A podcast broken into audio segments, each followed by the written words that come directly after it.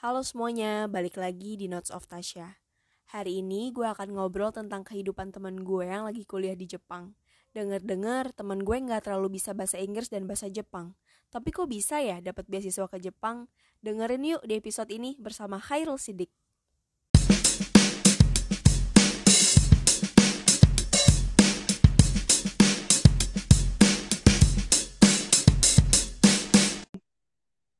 Oke, selamat malam Irul. Ya, malam Tasya, malam. Malam semuanya. Oke. Malam semuanya. Notes of Tasya dong, teman-teman Iya. Notes of Tasya. Ya, halo teman-teman para pendengar Notes of Tasya. Oh, yeay. Oke, Irul. Sumpah sih, Mhm. ini sebenarnya podcast yang udah lama kita omongin kan, Iya, iya, iya. tapi baru terrealisasi sekarang. Hmm. Dan eh, sebenarnya apa ya? Ini basic question sih. Sebelum kita mulai yang untuk ngobrolin lebih lanjut terkait Mhm. apa sih yang bakal kita bahas malam ini, tentunya tentang kehidupan lo di Jepang, kuliah di Jepang. Tapi sebelumnya gue mau nanya, kesibukan lo sekarang lagi ngapain aja nih? Kesibukan gua ya. Gue tuh sekarang di Jepang tuh ini ya, kuliah. Mm-mm. jadi gue sekarang lagi sibuk kuliah. Gue juga lagi sibuk eh, ngembangin diri. Jadi gue sekarang itu kayak, ya gimana sih orang ngembangin diri tuh kayak nonton-nonton video yang eh, bermanfaat lah. Terus juga gue lagi ada bisnis juga, baru gue kembangin nih bisnis bareng teman-teman gue yang lainnya. Gue juga lagi apa lagi sibuk project eh, video-video atau foto-foto gitu buat di Instagram sama YouTube ya walaupun hasilnya belum jadi ya cuman eh, lagi proses lah dan gue juga lagi menulis sama satu lagi eh, gue juga lagi di ada eh, kepengurusan PPI PPI Kobe Oh. namanya Mm-mm. Oke, Ya, kurang lebih berarti gitu. emang emang berusaha untuk seproduktif mungkin selain kuliah ya. Kalau Iya. kuliah kan ya wajib lah pastinya. Mhm, mhm. Betul sekali Dan by the way, kemarin malam tuh gue udah sounding kan di Instagram kalau malam ini gue bakal ngobrolin seputar kehidupan lo di Jepang itu kayak gimana sih. Terus eh, nanti juga di akhir podcast ini gue akan menanyakan sesuatu hal yang sebenarnya pertanyaan ini juga datang dari teman-teman di Instagram gue. Mhm, Tapi sebelum itu, eh gue pengen tanya dulu nih, Mhm. kenapa sih lo lebih memilih lanjut kuliah di luar negeri, tentunya di Jepang, dibanding untuk kuliah di Indonesia? Karena kan sebenarnya pasti ini juga jadi pertanyaan teman-teman yang lain. Kenapa sih emang di Indonesia nggak oke ya kampusnya kayak gitu? Kalau dari Hmm. versi lo gimana? By the way. Hmm, jadi eh, sebenarnya ya langsung aja di gue terbuka nih. Eh, Mm-mm. dari dulu ya, gue tuh bener-bener gak ada pandangan dan pikiran kalau gue bakal kuliah di luar negeri itu gak ada sama sekali. Walaupun eh, gue waktu kelas 10 itu, gue pernah homestay ya, acara SMA gue ke Jepang selama dua minggu. Nah, walaupun gue udah pernah ke Jepang, gue bener-bener gak ada pikiran, gak ada kemauan buat gue kuliah di Jepang atau di luar negeri. Kenapa? Karena eh, dari segi bahasa itu gue kurang mampu untuk bahasa Jepang. Dan lagi bahasa Inggris gue tuh di bawah rata-rata. Dan gue ya kurang pede dengan bahasa Inggris gue pada saat itu. Jadi gue merasa apa ya? Merasa nggak sanggup gitu karena jadi karena itu gue jadi nggak ada pandangan aja buat buat kuliah di luar negeri atau ke Jepang kayak sekarang ini. Cuman eh, menariknya itu waktu awal gue kelas 3 SMA ada teman gue eh, ngasih tahu ke gue, Rul, ada tawaran beasiswa nih. Wah, beasiswa, beasiswa apaan? Di Jepang, wah Jepang, jurusannya apa? Bisnis, wah bisnis. Kebetulan gue tuh emang dari kecil ya, dari dulu, itu gue pengennya di bisnis. Gue nggak pernah berubah gue. Dari dulu sampai sekarang tuh gue nggak pernah berubah. Gue pengen bisnis. Dan ini beasiswa gitu. Habis itu Jepang lagi. Gue kebetulan suka Jepang ya. Walaupun eh, gue kayak kepikiran kayak, ambil nggak ya? Gue juga masih belum tahu jawabannya. Gue ambil apa enggak. Pada akhirnya, gue mencobalah eh, tes beasiswa itu. Singkat cerita, singkat cerita, eh, gue keterima, gue keterima eh, beasiswa ini, kuliah di sini. Cuman nggak langsung gue ambil. Gue sempat ngedown tuh selama kurang lebih uh, sebulan. Itu gue bener-bener apa ya, bener-bener kayak wah overthinking gue pikiran ke mana-mana, gue takut, gue khawatir, gue merasa tidak sanggup. Uh, bahasa Jepang gue basic di bawah basic gue nggak tahu di bawah basic kan pokoknya masih dasar banget cuman kayak tahu oh hayo gozaimasu konnichiwa gitu-gitu doang sama Inggris gue tuh wah udah mah di bawah rata-rata ngomong gue gagap banget gue kacau balau lah cuman uh, sampai pada akhirnya jadi gue keterima itu dapat pengumuman itu di bulan Desember ya jadi Desember gue dapat mm -hmm. uh, pengumuman itu gue keterima sama liburan gue ngedown. Lalu uh, pada saat Januari setelah masuk uh, eh, SMA lagi beberapa hari setelahnya gue tiba-tiba akhirnya bisa membulatkan tekad gue kalau gue bakal ngambil uh, beasiswa ini. Jadi dulu tuh sebenarnya gue pengennya tuh ini ya manajemen bisnis di ITB gue pengennya di situ okay. dulu. Cuman uh, semenjak kayak kalau dipikir-pikir ITB juga belum pasti gue harus tes ini gue harus tes itu. Dan lagi kalau misalkan gue tetap di Indonesia perkembangan gue juga eh, nggak uh, bakal sepesat sekarang gitu. Jadi karena itu gue ngambil.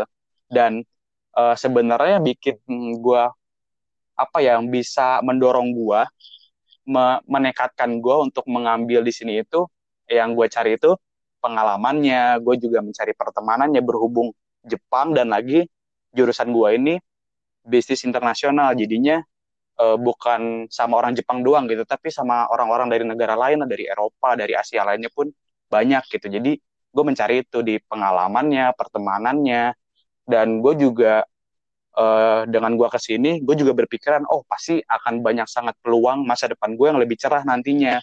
Gue belum tahu apa, pastinya apa, Cuman gue percaya itu kalau uh, ketika gue ke sini peluang gue akan jauh lebih uh, lebih apa ya lebih besar lah dibandingin kalau gue uh, tetap kuliah di Indonesia gitu. Dan gue juga akhirnya uh, inilah pengen lah ngerasain hidup di Jepang tuh kayak gimana sih gitu. Ya itu walaupun itu bukan alasan utama ya, cuman ya akhirnya hmm. sekarang gue bersyukur banget gue telah mengambil ini sih kurang lebih kayak gitu ya kenapa gue bisa ngambil di sini tuh ya seperti itu oke okay, berarti uh, berarti yang gue apa ya yang gue ambil dari tadi jawaban lo berarti sebenarnya bukannya lo mengunderestimate kampus-kampus di Indonesia ya, yeah. tapi karena adanya kesempatan beasiswa yang ada di sekolah lo itu dan uh, ditambah juga jurusan yang dibuka itu kan emang apa ya emang relevan dan lo pengen banget itu yeah, kan jurusan si manajemen yeah. manajemen internasional ya atau bisnis internasional sorry ya yeah, bisnis ya sama aja lah kurang lebih lah bisnis bisnis oh ya oke okay. Dan fun fact-nya ya teman-teman sebenarnya tadi yang pas Irul bilang kalau misalkan bahasa Inggris dan bahasa Jepangnya dia basic banget jujur ini adalah fun fact sebenarnya gue dan Irul ini kan kenal uh, di English course di Bandung. Kita ketemu selama dua minggu ya. iya dua minggu, dua minggu. ketemu selama dua minggu dan satu tutor kebetulan. Hmm. Dan eh, nggak uh, hanya gue aja ternyata yang basic. Irfan pun juga kita datang sama-sama dengan kemampuan juga yang masih minim banget ya saat itu. Hmm. Sampai sekarang juga sih, maksudnya masih tetap belajar. Hmm.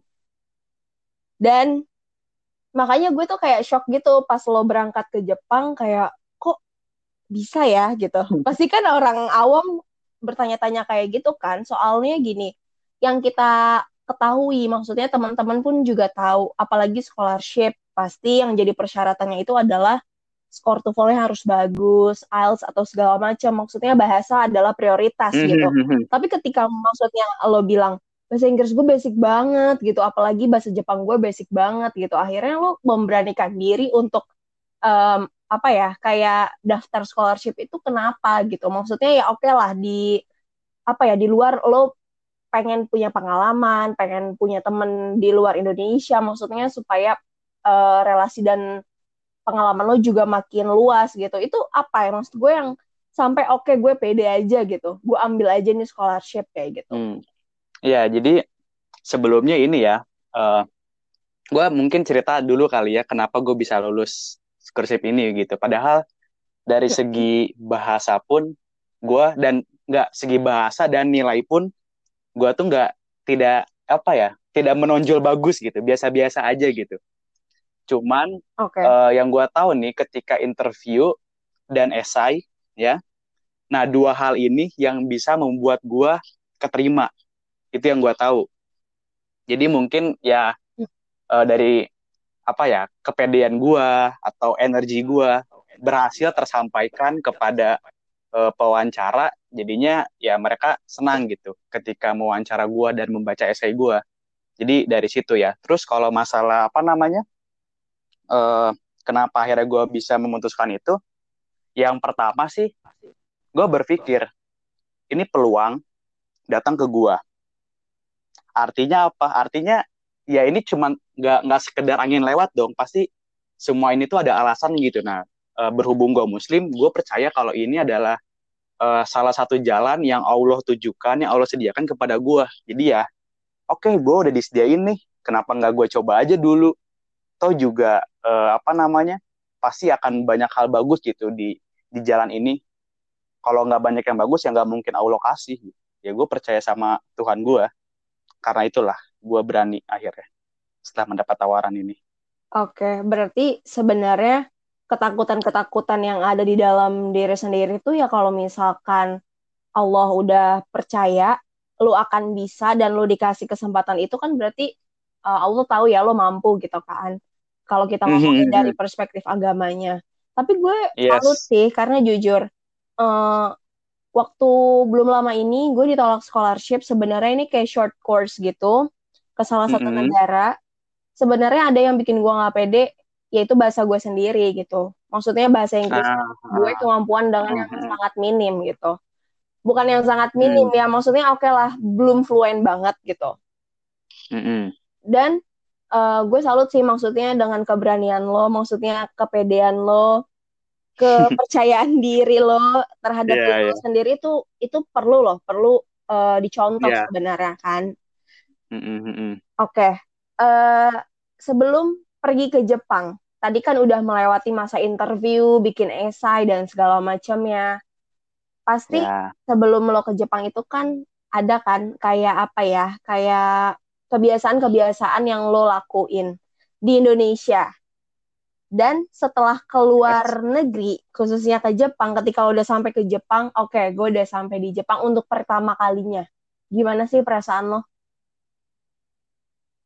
eh, senang iya, panik pun iya, tegang pun iya, stres pun iya. Karena karena apa ya?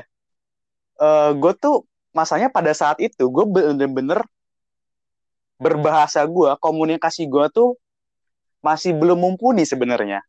Oke. Makanya tuh gue gue sebenarnya seneng sih seneng ya, seneng banget malah. Ya cuman di samping itu diiringi dengan rasa takut, cemas dan stres karena bahasa itu. Cuman ya eh, udah nggak ada jalan buat mundur gitu. Jadi ya udahlah, mau gimana lagi? Iya kan? Terima aja gitu, jalanin aja udah. Betul. Toh juga sekarang terjawab semua, maksudnya bukan terjawab sih, teratasi semuanya kok. Gitu. Oke. Betul, karena udah kepalang tanggung juga. Gue udah Iya dalam iya. keputusan ini gitu. Jadi kayak harus Hmm. menyelesaikan apa yang udah dimulai kan. Simpelnya kayak gitu. Yes, betul sekali. Betul. ngelanjutin pertanyaan gue yang tadi, yang tentang Hmm. kebiasaan, itu setelah eh, lo di Jepang ini udah berapa tahun sih? Udah masuk tahun kedua ya, kalau nggak salah. Iya, masuk tahun kedua. Tahun kedua. Oke, udah masuk tahun kedua, tinggal di Jepang seorang diri tanpa keluarga. Pasti kan bukan hal yang gampang ya. Oh iya iya. kita maksudnya di Hmm. umuran kita yang sekarang maksudnya kita juga masih labil belum terorganisir banget dari segi emosi ataupun juga kebiasaan-kebiasaan yang lain untuk hidup sendiri tapi Yes. eh, perubahan apa sih yang lo dapetin selama di Jepang maksudnya mungkin waktu di Indonesia misalkan lo dulu gue banyak makan banget tapi setelah di Jepang Iya, setelah di gue Jepang ngurusin gue- banget ya. ya kan? Urusan banget gue. gue makannya jadi terorganisir nih gitu. Perbedaan-perbedaan apa sih sebenarnya yang lo hadapin selama mau masuk tahun kedua ini di Jepang? Hmm, paling eh, di kesempatan kali ini gue nge-share lima hal kali ya. Apa? Eh, maksudnya perubahan-perubahan gue ya. Yang pertama nih Mm-mm. masalah ketergantungan. Ntar gue jelasin. Oke. Yang kedua itu sekarang gue jadi lebih terorganisir. yang ketiga gue jadi lebih mengenal diri gue sendiri dan gue dapat melihat Indonesia jauh lebih luas lagi oke okay? dan gue melihat gini uh, Indonesia kan mayoritas Muslim ya mm -hmm. sedangkan di Jepang tuh sangat-sangat minoritas tapi ketika gue di sini gue malah jadi jauh lebih mengenal yang namanya agama Islam dan uh, poin terakhir gue juga jadi lebih menghargai perbedaan dan kepercayaan masing-masing. Poin pertama kali ya jadi okay. uh, ketergantungan itu sebenarnya ya gue tuh uh, orangnya tuh nggak bukan orang anaknya itu manja. Gue tuh apa ya kayak bisa dibilang tuh apa-apa tercukupi gitu terpenuhi. Uh, keadaan ekonomi gue juga nggak kaya kaya tapi ya menengah lah. Jadi ya bercukupan gitu. Jadi semuanya tuh terpenuhi gitu untuk gue ya. Dan gue juga uh, anak terakhir. Jadi gue juga uh, cukup dimanja sama orang tua gue dan sampai SMA pun walaupun gue SMA anak asrama ya gue tetap masih orang yang manja yang bergantung kepada orang lain. Bahkan gue baru bisa masak pun itu pas gue di sini. Gue dulu tuh nggak bisa masak sama sekali. Gue cuma bisa masak telur dadar sama nasi okay. goreng udah itu doang. Itu dulu. Cuman sekarang semenjak gue di sini nih ya gue mau nggak mau harus masak dong. Kalau nggak masak ya kalau beli makanan jadi terus tuh mahal banget. Di Jepang tuh makanan tuh mahal banget parah. Kayak uh, makanan ini deh makanan kayak kombini uh, kombini hmm. itu semacam Alfamart atau Indomaret ya kalau di Indonesia. Itu tuh harganya tuh bisa kalau dirupiahkan ya ya dua puluh ribuan tiga puluh ribuan empat puluh ribuan itu udah kayak harga restoran gak sih Mm-mm. Tapi di sini cuman cuman makanan makanan kayak Alfamart Indomaret doang gitu. Segitu harganya mahal. Jadi ya uh, mau nggak mau gue juga harus bisa masak gitu. Ya awalnya gue cuman bisa masak gorengan-gorengan doang, tapi sekarang ya berkembang lah gue jadi bisa masak nasi kuning, gue bisa masak rendang, opor dan lain sebagainya. Gue udah jadi bisa sekarang gue bisa masak. Lalu juga uh, yang masalah gue menjadi lebih terorganisir juga itu wah jauh banget sih dibandingin dulu ya. Dulu itu uh, apa ya uh, masalah finansial deh. Gue nggak bakal panjang lebar tentang masalah finansial, cuman dibandingkan gue dengan yang dulu dan sekarang gue bener-bener hidup sendiri mengatur semuanya sendiri, finansial gue sekarang jadi jauh lebih teratur daripada dulu itu. Dan gue juga sekarang itu gue bukan orang yang impulsif lagi. Jadi gini, uh, yang gue tahu di muka bumi ini itu ada dua tipe orang, oke? Okay? Oke. Okay. Yang yang pertama itu impulsif, yang kedua itu uh, visioner atau yang terplanning lah. Nah, impulsif ini apa? Impulsif adalah uh, tipe orang yang mereka hanya fokus apa yang di depan mata mereka. Jadi mereka cuman berpikir dari step ke step saja gitu. Itu impulsif kayak apa yang di depan ya udah dikerjain gitu. Nah gue tuh dulu tipe orangnya kayak gitu kayak uh, apa ya cuman mengerjakan apa yang gue bisa kerjakan pada saat itu doang gitu. Tanpa memikirkan tanpa merencanakan tanpa uh, mengatur semuanya gitu. Cuman dapat kayak disuruh A ya udah A disuruh B ya udah B. Gue dulu gitu gue tipe yang impulsif. Sedangkan sekarang gue menjadi orang yang uh, lebih terencana jadi gue tidak hanya berpikirkan ke step berikutnya aja tapi dua step berikutnya apa, tiga step berikutnya apa, bahkan tujuan akhir gue tuh apa, gue udah mikirkan itu untuk sekarang, sedangkan dulu tuh enggak. Gitu, itu perbedaannya ya. Semenjak gue keluar negeri ini gue jadi lebih uh, apa, lebih terencana lah, dan gue nggak tipe orang yang impulsif lagi kayak dulu. Lalu uh, semenjak di sini jelas gue jadi lebih mengenal diri gue karena gue bisa apa ya namanya ya explore diri gue sendiri. Karena entah kenapa ya mungkin kebanyakan orang juga merasakan kayak gue ini. Jadi uh, ketika kita berada di lingkungan yang itu itu aja gitu yang udah kita kenal banget gitu perkembangan kita itu tidak akan secepat ketika kita berada di lingkungan yang baru atau di lingkungan yang uh, kita tidak kenal sebelumnya jadi uh, karena gue keluar dari lingkungan yang istilahnya memanjakan gua atau membuat gua nyaman itu gua akhirnya malah jadi lebih mengenal diri gua. Karena gue keluar dari uh, lingkungan itu. Gue jadi ketemu orang-orang baru gue ketemu masalah-masalah baru dan alhasil itu pun uh, eh, gue menjadi explore gitu kepada diri gue bagaimana cara gue menghadapi masalah uh, perasaan gue tuh apa apa sih yang gue suka apa sih yang gue nggak suka apa sih yang buat gue bahagia gue jadi lebih mengerti itu sekarang dibandingin dulu. Oke? Okay? dan uh, kalau berbicara soal Indonesia uh, ibaratnya tuh gini ini gue agak mengambil dari kata Niki ya. Tahu Niki? Penyanyi itu loh. Iya tahu mm-hmm. ya jadi dia bilang tuh uh, misalkan gini ketika gue di Indonesia oke okay, Okay. Artinya gue berada di dalam uh, satu frame, enggak di dalam frame foto Indonesia, oke? Okay? Mm-hmm. Cuman sekarang gue kan ke Jepang nih. Artinya gue keluar dari frame itu. Ketika gue keluar dari frame itu, gue akhirnya bisa melihat foto itu secara keseluruhan jauh lebih luas gitu loh. Karena itu sekarang gue jadi dapat uh, melihat Indonesia itu lebih luas gitu. Dan gue jadi mengerti pandangan pandangan-pandangan orang luar terhadap Indonesia. Ya uh, untuk di Jepang sendiri ya, mm-hmm. uh, Bapak Presiden pertama kita, Bung Karno, itu tuh sangat terkenal di sini. Percaya nggak? Wow, terkenal ter- karena terkenal banget. Terkenal karena uh, Soekarno ini kan uh, punya ini ya, punya istri dulunya ya yang orang Jepang. Iya. Okay? Mm-hmm. Uh, sekarang itu orang itu masih hidup dan dia suka masuk TV gitu terus nyeritain. Udah tua sih sekarang cuman ya masih hidup dan cerita okay. gitu. Dan orang-orang tuh tahu gitu. Cuman yang sangat gue sayangkan adalah uh, ketika orang Jepang melihat orang Indonesia mereka lebih sering menyangka kita itu orang Filipin bukan orang Indonesia atau Malaysia tapi Filipin. Kenapa? Uh, eh, gue juga agak bingung. Mungkin karena uh, Filipina itu kan lebih dekat ya lokasinya daripada Jepang Mm-hmm. Ya jadinya uh, Filipina itu jadi lebih terkenal aja dibanding Indonesia. Indonesia kan jauh banget tuh sama Jepang. Di bawah kan Indonesia kan. Mm-hmm. Dengan Filipina kan ASEAN-nya di atas tuh. Mm-hmm. Ya iya karena itu sih. Jadi Dan ditambah saya, muka kita sama ya. Iya mirip banget bahasanya juga uh, cara berbicaranya tuh agak apa ya agak mirip gitu. Iya. Hmm. Oke lanjut yang tadi gimana?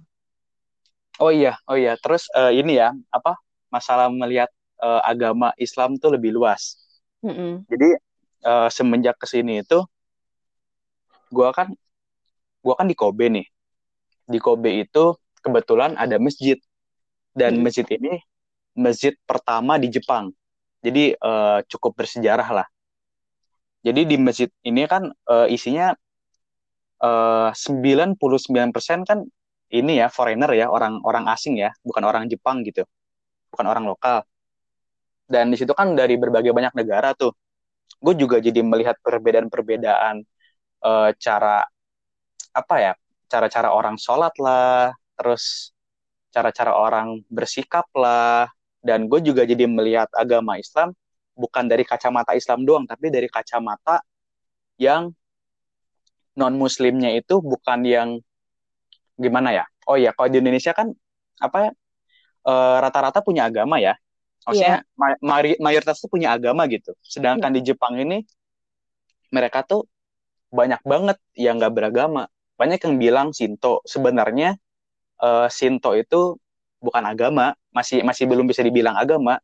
Cuman sekedar percaya kepercayaan lokal aja gitu. Itu bukan agama gitu. Palingan beberapa percaya Buddha beberapa percaya uh, Kristen. Cuman uh, hampir semuanya nggak mayoritas itu uh, itu uh, tidak beragama. Dan gue juga jadi melihat dari kacamata itu gitu kepada muslim. Maksudnya hmm. dari kacamata orang yang tidak beragama orang Jepang terutama terhadap muslim gue jadi bisa melihat itu. Dan uh, ternyata juga terkadang ada beberapa yang agak uh, membeda-bedakan atau diskriminasi tapi juga banyak juga yang uh, apa namanya kayak terkagum dengan yang namanya halal. Makanan halal tuh mereka kagum sama makanan halal. Gue juga agak agak kaget sih oh ternyata sespesial itu ya makanan halal di sini. Gitu. Dan yang terakhir uh, eh, gue kan pertama udah di Jepang nih. Terus uh, jurusan gue internasional. Artinya kan teman gue internasional juga dong bukan orang Jepang doang. Dan bener-bener banyak perbedaan nih semenjak di sini ya semenjak gue kuliah di sini itu gue jadi orangnya tuh jadi uh, lebih bisa menghargai perbedaan dan kepercayaan orang masing-masing. Dan gue pun uh, apa ya nggak peduli gitu sama urusan orang. Kalau dulu kan misalkan nggak deh di Indonesia deh misalkan uh, pasti apa-apa yang kita lakuin gitu uh, kebanyakan kadang-kadang diomongin orang lah diomongin tetangga lah ya nggak sih? Iya betul. Nah, kalau di sini tuh mereka bodoh amat gitu sama hal itu. Mereka mereka nggak peduli. Mereka cuma mikirin dirinya sendiri ya udah gitu. Nggak nggak mau mikirin orang lain nggak mau ngerepotin orang lain. Itu. Okay. hmm. dan uh, yang gue pelajari juga di sini ya uh, sebenarnya orang Jepang itu tidak begitu disiplin yang kita kenal ya yang orang Indonesia umumnya kenal tapi yang gue suka dari orang Jepang adalah mereka itu orangnya bertanggung jawab. Mereka mereka nggak begitu disiplin, tapi mereka bertanggung jawab atas kesalahan mereka. Gitu loh, kayak misalkan uh, mereka melakukan kesalahan nih, mereka tanpa uh, apa pun gitu, ternyata tanpa rasa gengsi atau merasa benar gitu, mereka langsung uh, sumimasen, sumimasen, langsung langsung minta maaf gitu, apa adanya mm-hmm. langsung minta maaf, nggak nggak ya nggak gengsi gitu. Gue sukanya itu. Dan mereka tuh bener-bener tidak mau merepotkan orang lain. Misalkan kesenggol dikit aja di kendaraan umum, mereka langsung kayak minta maaf. Kayak sumimasen hmm. gitu, kayak sopan banget, sopan banget.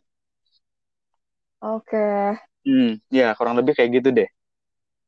Berarti hmm. sebenarnya uh, banyak juga ya hal-hal hmm. yang bisa diambil. Tapi gue setuju benar katanya Niki. Kalau misalkan kita tinggal di Indonesia, berarti kita memang hanya ada di satu frame bersama orang-orang Indonesia juga. Yes. Tapi ketika kita udah di luar, biasanya kan gini, uh, yang terkenal adalah kalau kita udah jauh, pasti bakal kangen gitu kan istilahnya. Iya kan?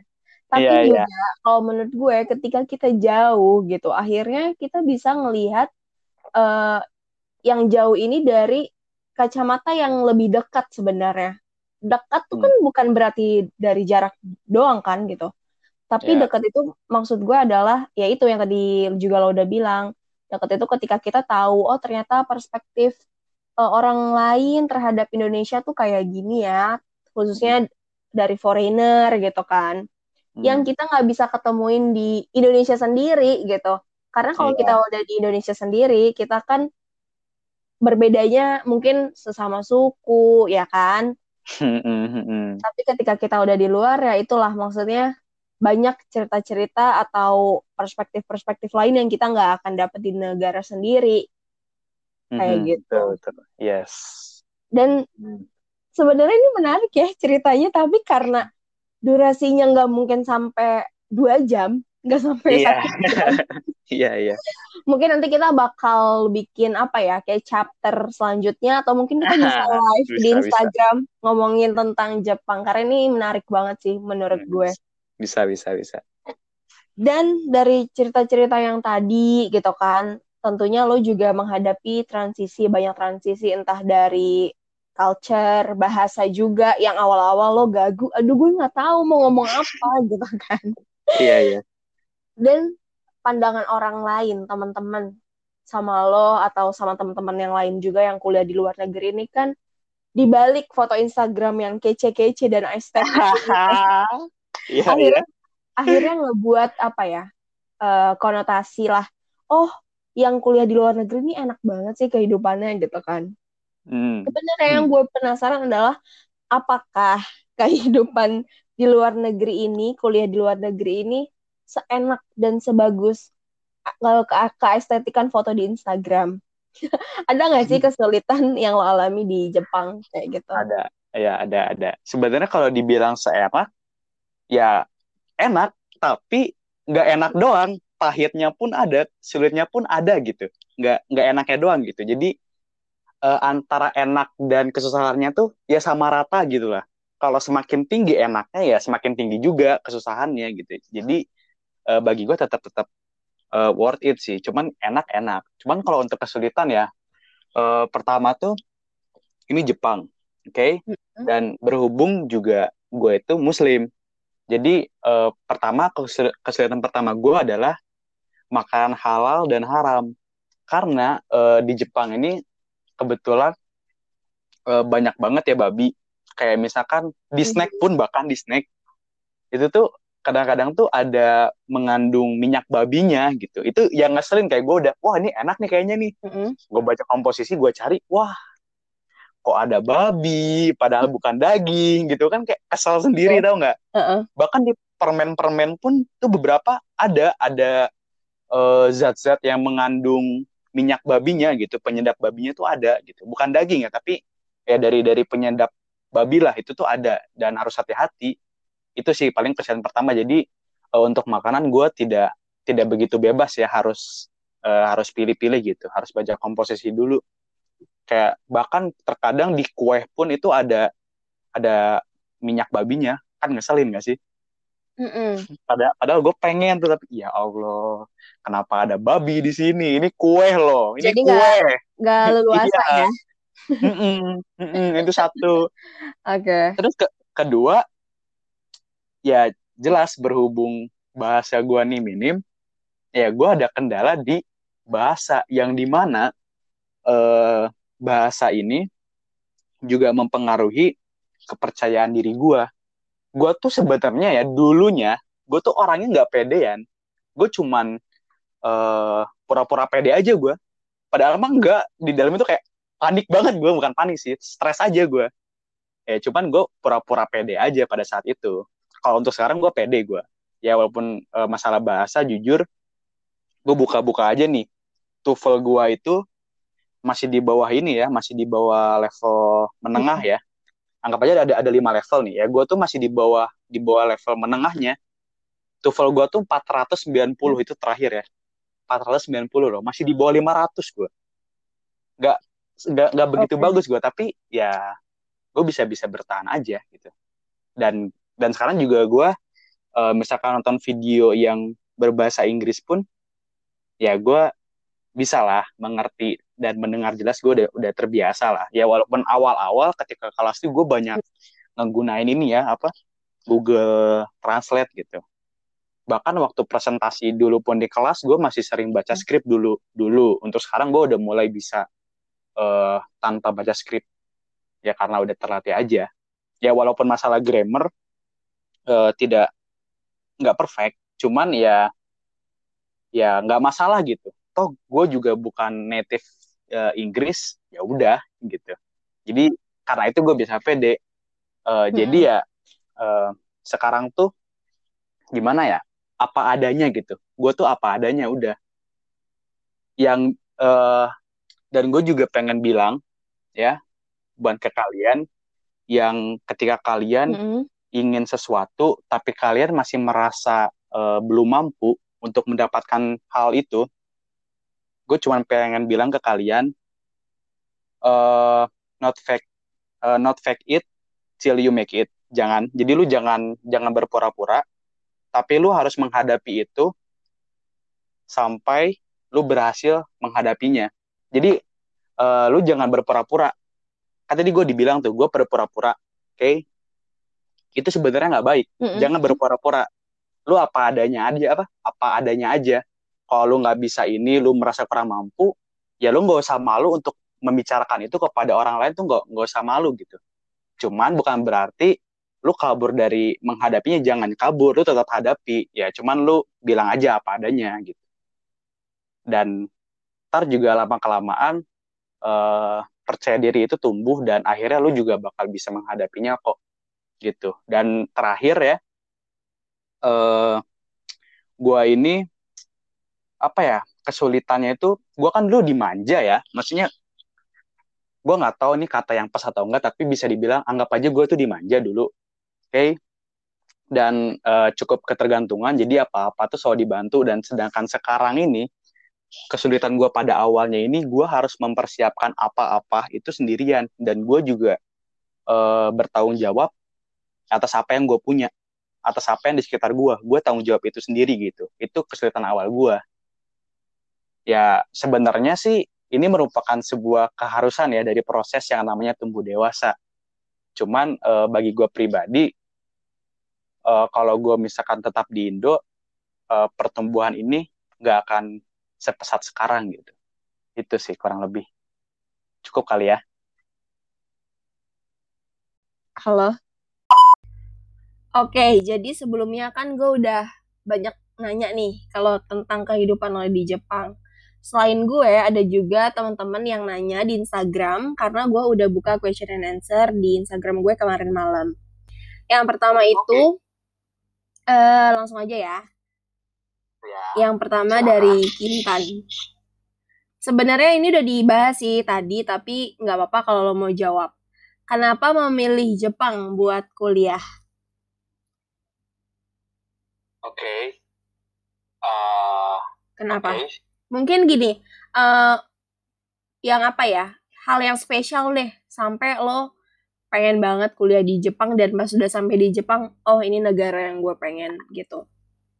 Oke, okay, jadi uh, mungkin di samping yang gue ceritain sebelumnya ya, mm -hmm. yang gue katakan sebelumnya, uh, hal lainnya juga gue itu dari dulu itu emang nggak semenjak SMA itu gue itu suka Jepang. Jadi okay. ya, why not gitu. Dan gue juga kebetulan dulu ngambil uh, pernah belajar bahasa Jepang juga dan gue juga eskul gue dulu tuh klub Jepang. Jadi, well, ya yeah, gue suka Jepang. Mm. Jadi ya why not. Oke. Okay. Hmm. Karena berawal dari kesukaan lo, akhirnya lo pilih Jepang gitu. Yes. Oke, okay, next question. Uh, sebenarnya ini bukan pertanyaan sih, lebih dari Jack 616. Masih ingatkah hmm. dirimu yang ingin ke Jepang? Kayaknya ini buat gue sih. Jadi, uh, to be honest, waktu gue sampai cita-cita gue adalah gue pengen banget ke Jepang. Gak tau kenapa, tapi sekarang gak tau deh. Hmm. Semoga masih ada keinginan itu ya. Oke. Okay. Next question dari Fahri Pratama. Ini temen gue, senior gue sih. Life in Japan is kinda really expensive. Is it true? Kalau misalkan dibandingkan dengan Indonesia, ya, it's freaking true. But uh, kalau lu misalkan ngambil part time di sini atau lu dapat beasiswa, apa dapat uang saku tambahan dari beasiswa lu, ya sesuai gitu, sebanding gitu. Jadi ya uh, terpenuhi lah kalau lu punya part time job atau beasiswa. Cuman kalau misalkan kita bandingkan dengan Indonesia, ya emang jauh lebih mahal. Tapi kalau dihitung-hitung dari pendapatan di sini, ya sesuai gitu. Hmm, oke. Okay. Berarti emang, eh di sana boleh part time juga ya? Iya, iya. Sangat mudah di sini untuk untuk nyari part time ya banyak di sini lowongannya. Oke, okay, jadi kalau mau part time ya gampang, pergi aja ke Jepang. Iya, Oke, okay. Iya. last question dari Ananggatara. Apa benar hmm. di Jepang orangnya semua individualis dan apakah benar ramen di sana seenak itu? Gimana? Hmm. Uh, eh, gue jawab yang ramen dulu ya. Okay. Untuk ramen yang apakah ramen di sini itu seenak itu? Well, ya emang seenak itu.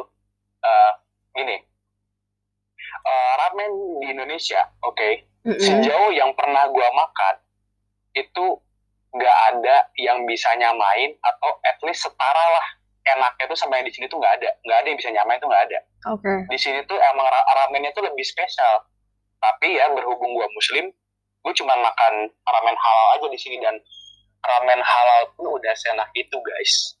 Apalagi okay. yang tidak gitu. Buat kalian yang non muslim ya kalian cobalah. Kalau misalnya ke Jepang wajib coba ramen di sini sih. Wajib. Oke. Okay dan kalau yang tadi apa individualisme itu ya? Mm -hmm. ya kalau uh, ditanya apakah orang Jepang itu individualisme gue akan bilang yes mereka itu individualisme dan mereka juga lebih uh, condongnya tuh ke kelompok-kelompok kecil aja gitu nggak kelompok besar kayak Indonesia kan misalnya jalan-jalan nih pasti kelompoknya kadang-kadang tuh rame-rame gitu kalau di Jepang mm. tuh ya paling cuma segelintir orang aja gitu tapi uh, di samping itu mereka juga memiliki prinsip kalau orang Jepang ini mereka pokoknya tidak mau mengganggu atau merepotkan orang lain. Pokoknya prinsip mereka itu, itu doang. Udah. Jadi mereka nggak peduli apa yang orang lakukan. Pokoknya apa pun yang dilakukan, e, mereka tidak mau apa yang mereka lakukan itu tidak mengganggu orang lain. Dan hal baiknya lagi adalah uh, di balik individualismenya orang Jepang ini itu uh, kebanyakan orang Jepang ya yang sekarang ya hampir gue nggak tahu hampir semua atau enggak tapi banyak banget orang Jepang kalau di zaman sekarang ini itu mereka orangnya sangat terbuka uh, terus juga menghargai kita para foreigner ya dan cukup ramah mm. untuk di daerah gua ya gua nggak tahu mm-hmm. daerah lain tapi untuk daerah gua Kobe terus uh, Osaka dan waktu gua pergi ke Kyoto pun begitu uh, ramah baik gitu. Oke. Okay. Berarti ya mungkin ada beberapa yang individualis, ada juga beberapa yang enggak. Gitu kali ya. Iya. Iya. Ya. Cuman kalau dibilang hmm. Ramah tidak emang tidak seramah Indonesia. Hmm. Tapi tapi ya cukup ramah lah, cukup. Hmm. Oke. Okay. Oke, okay.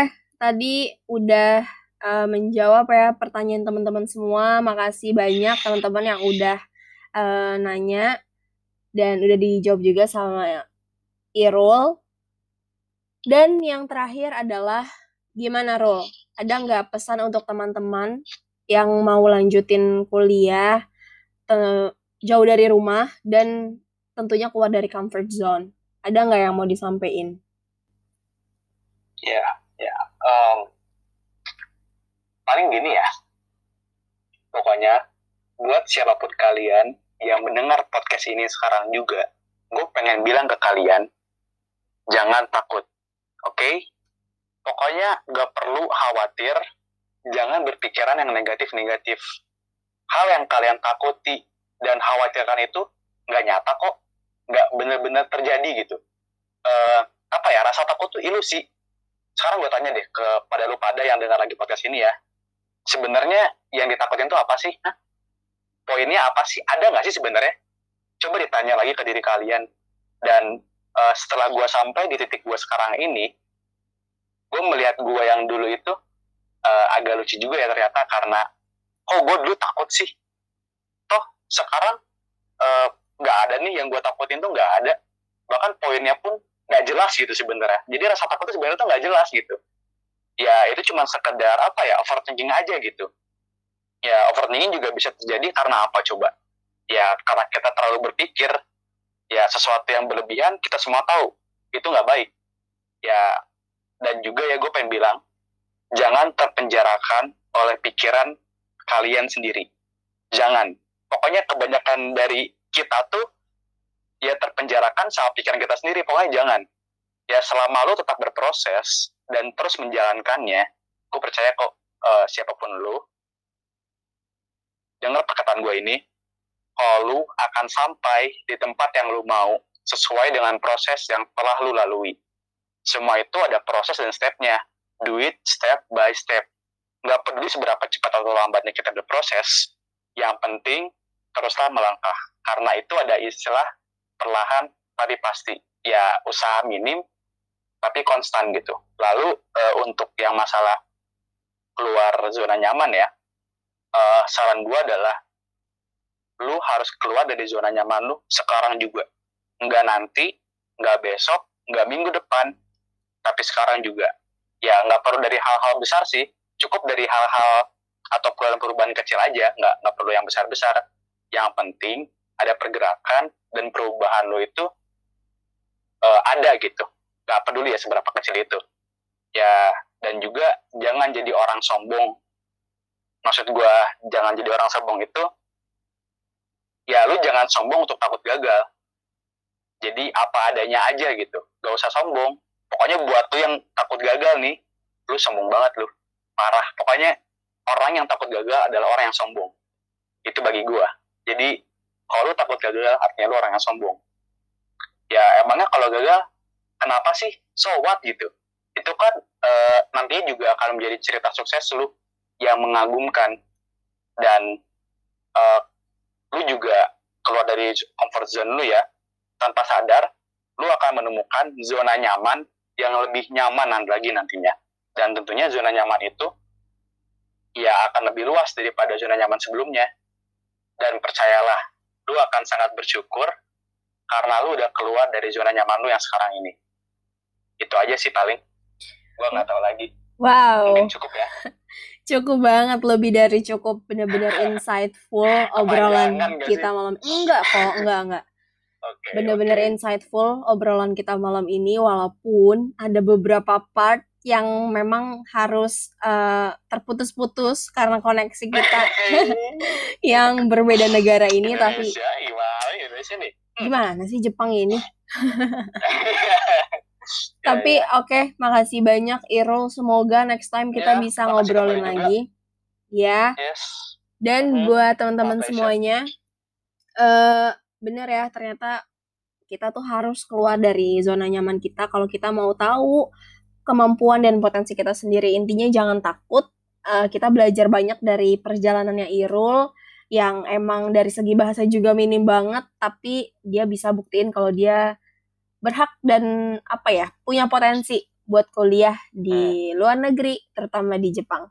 Oke, okay, thank you Irul hmm, waktunya. Aja, guys. Ya, thank Sip. you juga, makasih. Sehat-sehat ya. Uh, salam juga. juga buat temen-temen lo. Pokoknya jangan ya, lupain siap. Indonesia dan jangan lupa berkontribusi buat Indonesia. Oke. Okay? Ya, siap, siap, siap. Sip. Oke, okay. okay, teman-teman semuanya uh, nantikan episode selanjutnya di podcast Notes of Tasya. Bye bye.